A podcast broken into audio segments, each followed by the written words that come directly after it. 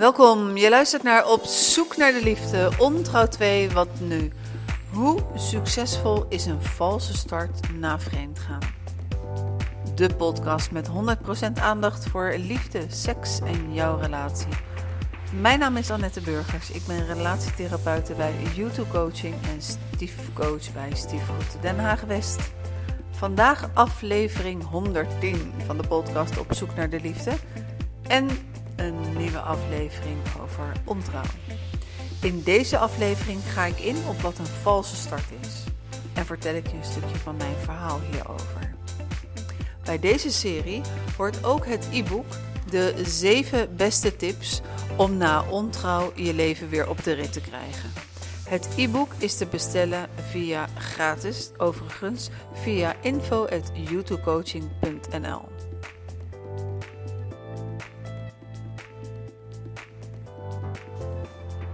Deze aflevering gaat over, zoals ik dat noem, de valse start. Wat is een valse start en wat is de reden dat ik dit zo noem? Een valse start is de start van een relatie die eigenlijk in een soort van oorlogsveld begint. Je bent allebei of één van jullie vreemd gegaan. Je verlaat je relatie en je wilt met je minnaar of je minnares verder. Je hebt te maken met allerlei krachten die negatief zijn om je heen. Je partner die je misschien niet los wil laten en of heel erg boos op je is. Als je kinderen hebt, zitten zij tussen dat krachtenveld van jou en je aanstaande ex-genoot en kunnen ook heel boos op je zijn. Het kan zelfs zoveel er gaan dat ze je niet willen zien. De familie is misschien heftig teleurgesteld en kiest partij. En het kan ook nog zijn dat jullie elkaar op het werk ontmoet hebben en dat het zelfs zo ver gaat dat een van jullie een andere baan moet kiezen. Ik heb al deze varianten en nog andere voorbij zien komen. Ik weet eigenlijk niet eens hoe ik zelf aan die kreet vals kom. Of ik heb het ergens gelezen of ik heb het zelf verzonnen naar aanleiding van mijn eigen ervaringen. Het lijkt namelijk een fijne start. Eindelijk hoef je niet meer te liegen. Eindelijk kun je samen de boodschappen doen. Eindelijk kun je je eigen woonplaats samen gewoon uiteten. Maar het kan zijn dat je dan ingehaald wordt door het negatieve krachtenveld van buiten. En dat is zo, zo vals. En nu ik dit uitspreek, besef ik me dat die valse starten mij wel achtervolgd hebben in mijn leven. Degenen die vaker een podcast hebben beluisterd, die weten het. Toen ik vier was, gingen mijn ouders scheiden. Wat ik niet altijd erbij verteld, dat mijn vader ook vreemd ging. En hij ging uiteindelijk niet om een bepaalde vrouw weg, maar hij ging wel weg. Mijn moeder werd jaren later verliefd op haar baas. En deze ging scheiden, kwam daarna vier jaar bij mijn moeder en mij wonen. Dat liep niet en hij vertrok. En wat ik me van die tijd vooral herinner, was dat er altijd gesproken werd door, over zijn boze kinderen, uh, zijn boze ex-vrouw. En ja, dat uh, zal niet de reden zijn geweest dat het niet lekker liep uh, tussen mijn moeder en, en hem. Maar het, het bracht een ontzettende negativiteit met zich mee. Mijn opa ging vreemd. Mijn opa en oma gingen scheiden toen mijn moeder 20 jaar oud was. En mijn overgrootvader had een bijvrouw en samen met die bijvrouw kreeg hij mijn oma. Nou, wat een geschiedenis. Elke keer weer als ik het vertel, besef ik, oh, oh, oh meisje, met zo'n geschiedenis had je als twintigjarige de studie psychologie moeten kiezen in plaats van de pedagogische academie. Het is niet zo verwonderlijk dat mijn eigen thema dan ook is van wat is mijn plek? Mijn moeder had een slechte jeugd met weinig liefde. Mijn oma is opgegroeid als kind van de bijvrouw. En ik kan me zomaar voor, voorstellen dat dit ook heeft bijgedragen aan haar zelfvertrouwen. Het is niet mogelijk, maar ik zou eigenlijk wel heel erg graag een gesprek willen met mijn oma en met mijn overgrootoma over deze onderwerpen. Ook mijn overgrootoma zal als bijvrouw, een alleenstaande vrouw met een kind, een issue hebben gehad over haar plek Zeker in die tijd. Nou, het zit helemaal in het systeem ingebakken. Samengevat, ik besef dat ik inmiddels expert ben in relaties starten met een valse start. Ik heb dit niet één, niet twee, maar meerdere keren gedaan. Let wel, niet altijd met een nieuwe man. Ik ben soms ook teruggegaan naar dezelfde man. Zes, zelfs zes keer teruggegaan naar dezelfde man. Het was namelijk de tweede grote liefde in mijn leven. En onze relatie ging aan en uit, mede door de situatie van die valse start. je zou denken, een ezel stoot zich geen tweede keer aan dezelfde steen, maar we hebben dat wel gedaan bij elkaar. Ik kan me die allereerste keer nog heel goed herinneren. Eindelijk. Na al die tijd hadden we dan voor elkaar gekozen. De allereerste grote fout die ik zelf hierin maakte, was dat ik hem geen ruimte gaf voor zijn rouw. Deze man, en laat ik hem, dus deze tweede grote liefde van mij, laat ik hem in dit verhaal Paul noemen, was bijna 30 jaar met zijn vrouw samen geweest. En dan gaat het je echt niet in je koude kleren zitten als je dan toch thuis weggaat met je koffertje. Paul was ook een man die in het begin helemaal niet van plan was om thuis weg te gaan. Ik ook niet trouwens. Hij had een goed huwelijk, zei hij. Ik had een superleuke relatie.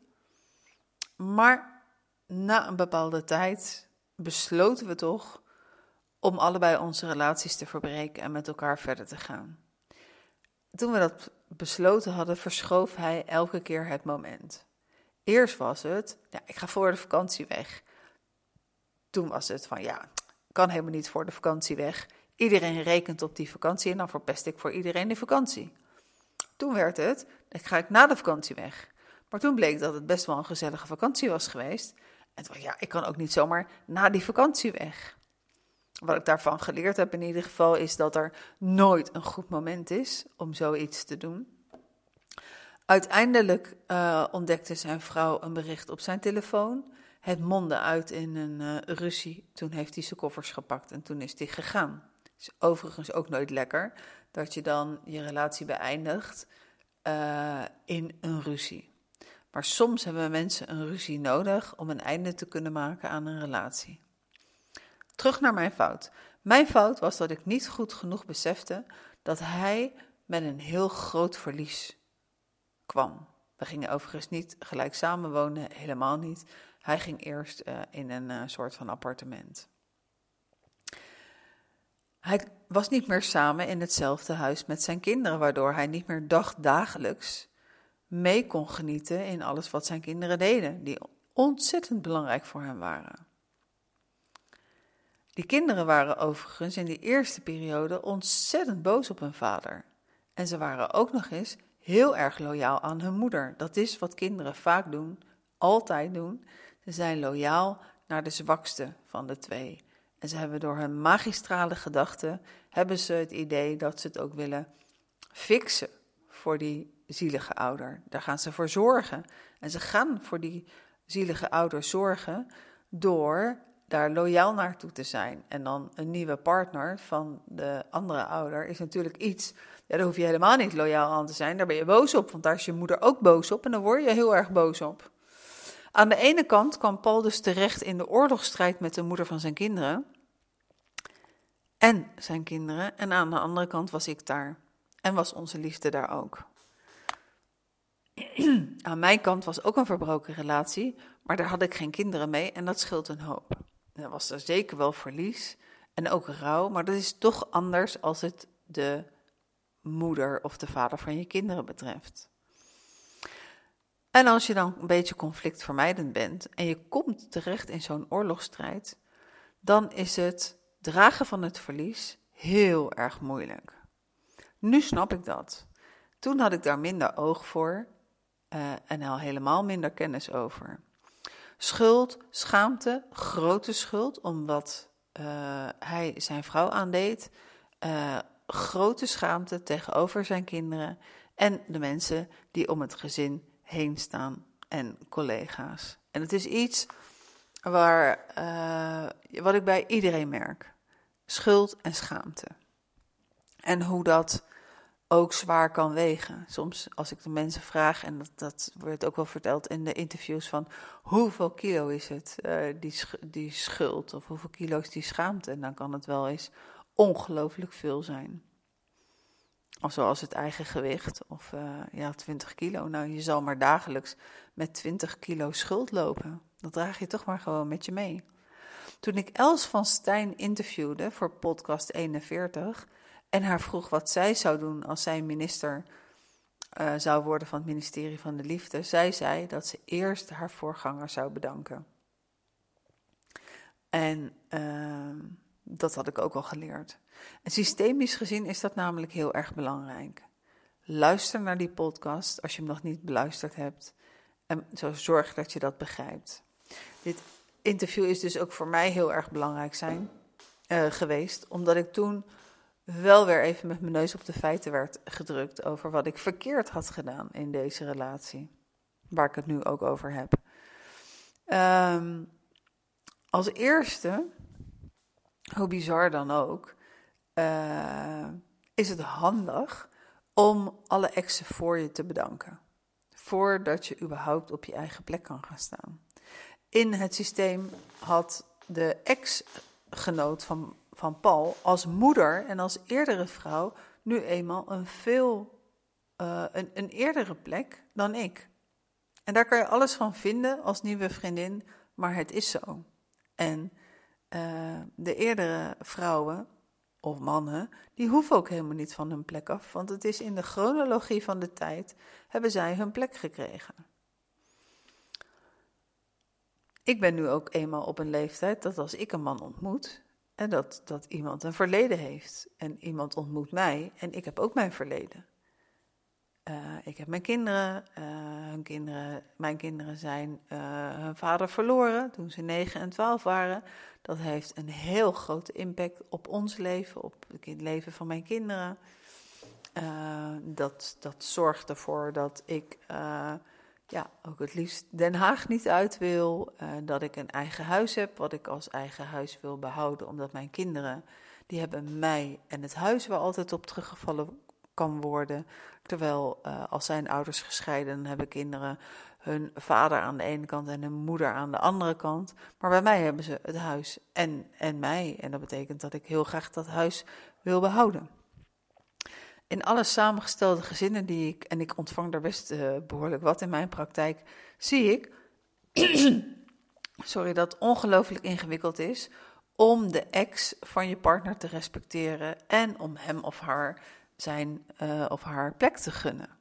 En natuurlijk, vaak word je geconfronteerd met vervelend gedrag, een vechtscheiding, pesterijen via kinderen, genegeerd worden, boosheid, jaloezie.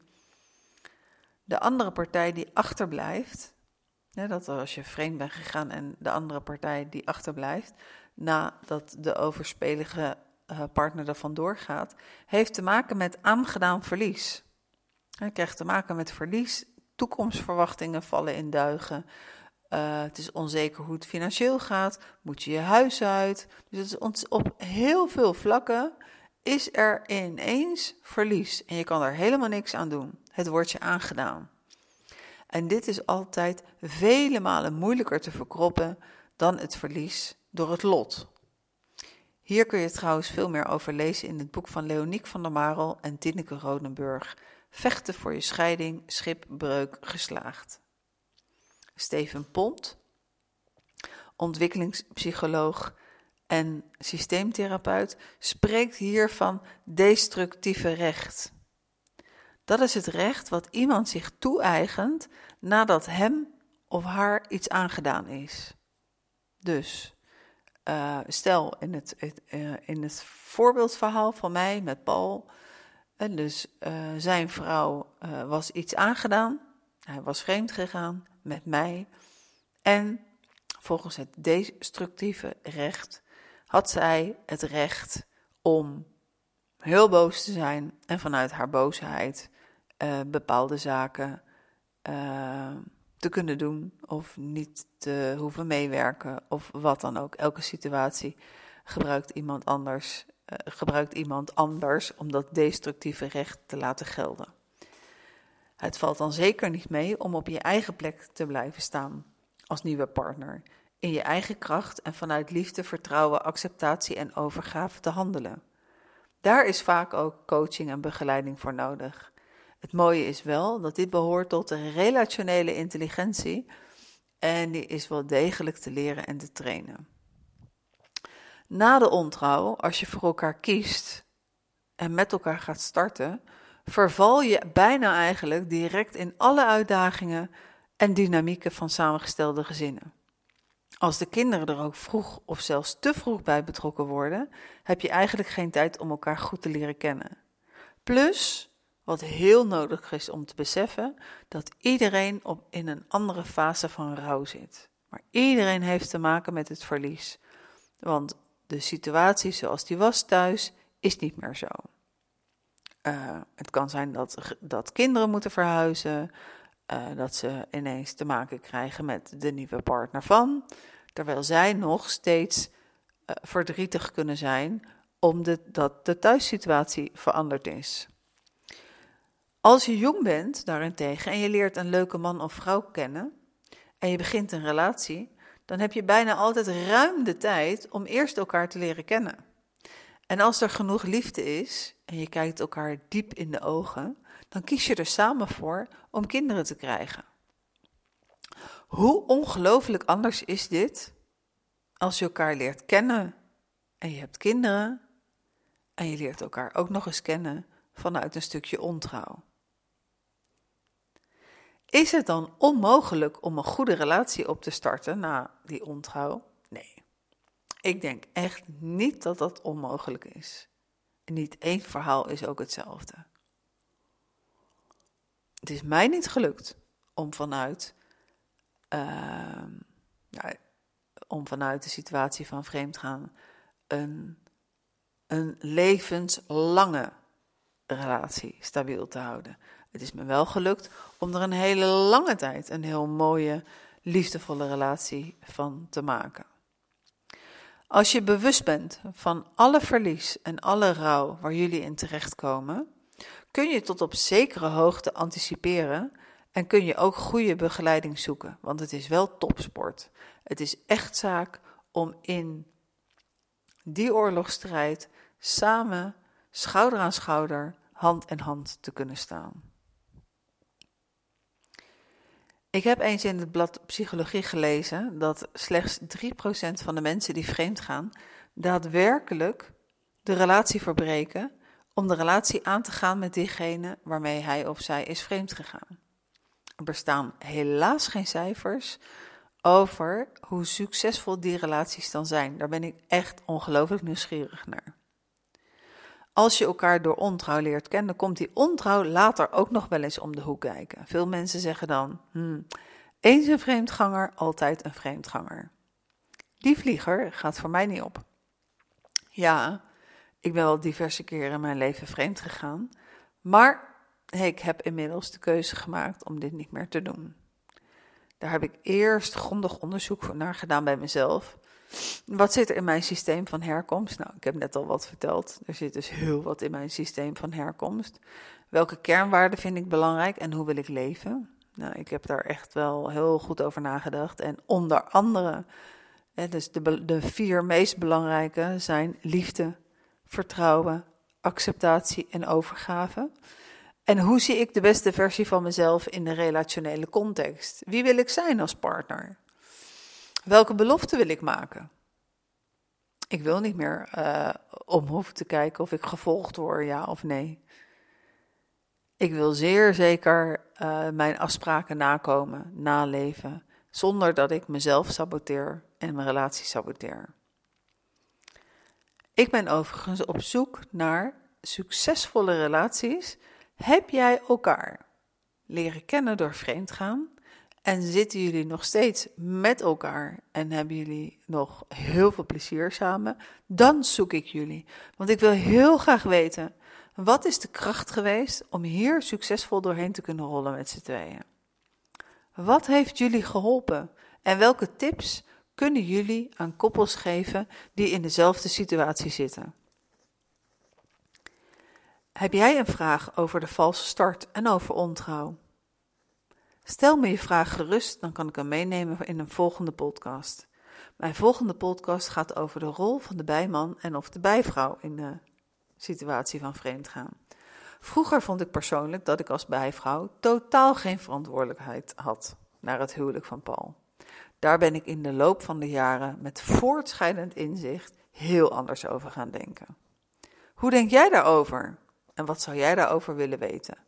App je vraag of je opmerking naar 06 456 22552 onder vermelding van bijman bijvrouw. Wil jij een gesprek, een persoonlijk gesprek over jouw situatie? Mail dan naar info@youtubecoaching.nl onder vermelding van persoonlijk gesprek en we prikken een datum zodat je mij kunt vertellen wat er speelt en dan help ik je verder met de eerstvolgende stap die jij kunt zetten. Er komen interessante podcasten aan, onder andere met Aukje Nauta en met Leoniek van der Marel. Met Leoniek van der Marel ga ik het hebben over verlies. Welke verlies kom je allemaal tegen als je vreemd gaat en in de gehele situatie? En met Aukje Nauta ga ik het hebben over schaamte. En er komt ook nog een hele mooie podcast aan met een verhaal over een mevrouw die nog steeds contact heeft met een oude liefde. Uh, maar haar eigen relatie zo erg respecteert dat ze die andere liefde ook totaal niet meer, niet meer ziet. Maar het is goed zo. Het is goed zoals het is. Zij wil mij ook haar verhaal vertellen. Wil jij mij jouw verhaal vertellen? Dan hoor ik je graag.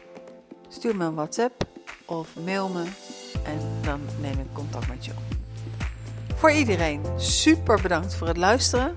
Dit was aflevering 110 over de valse start.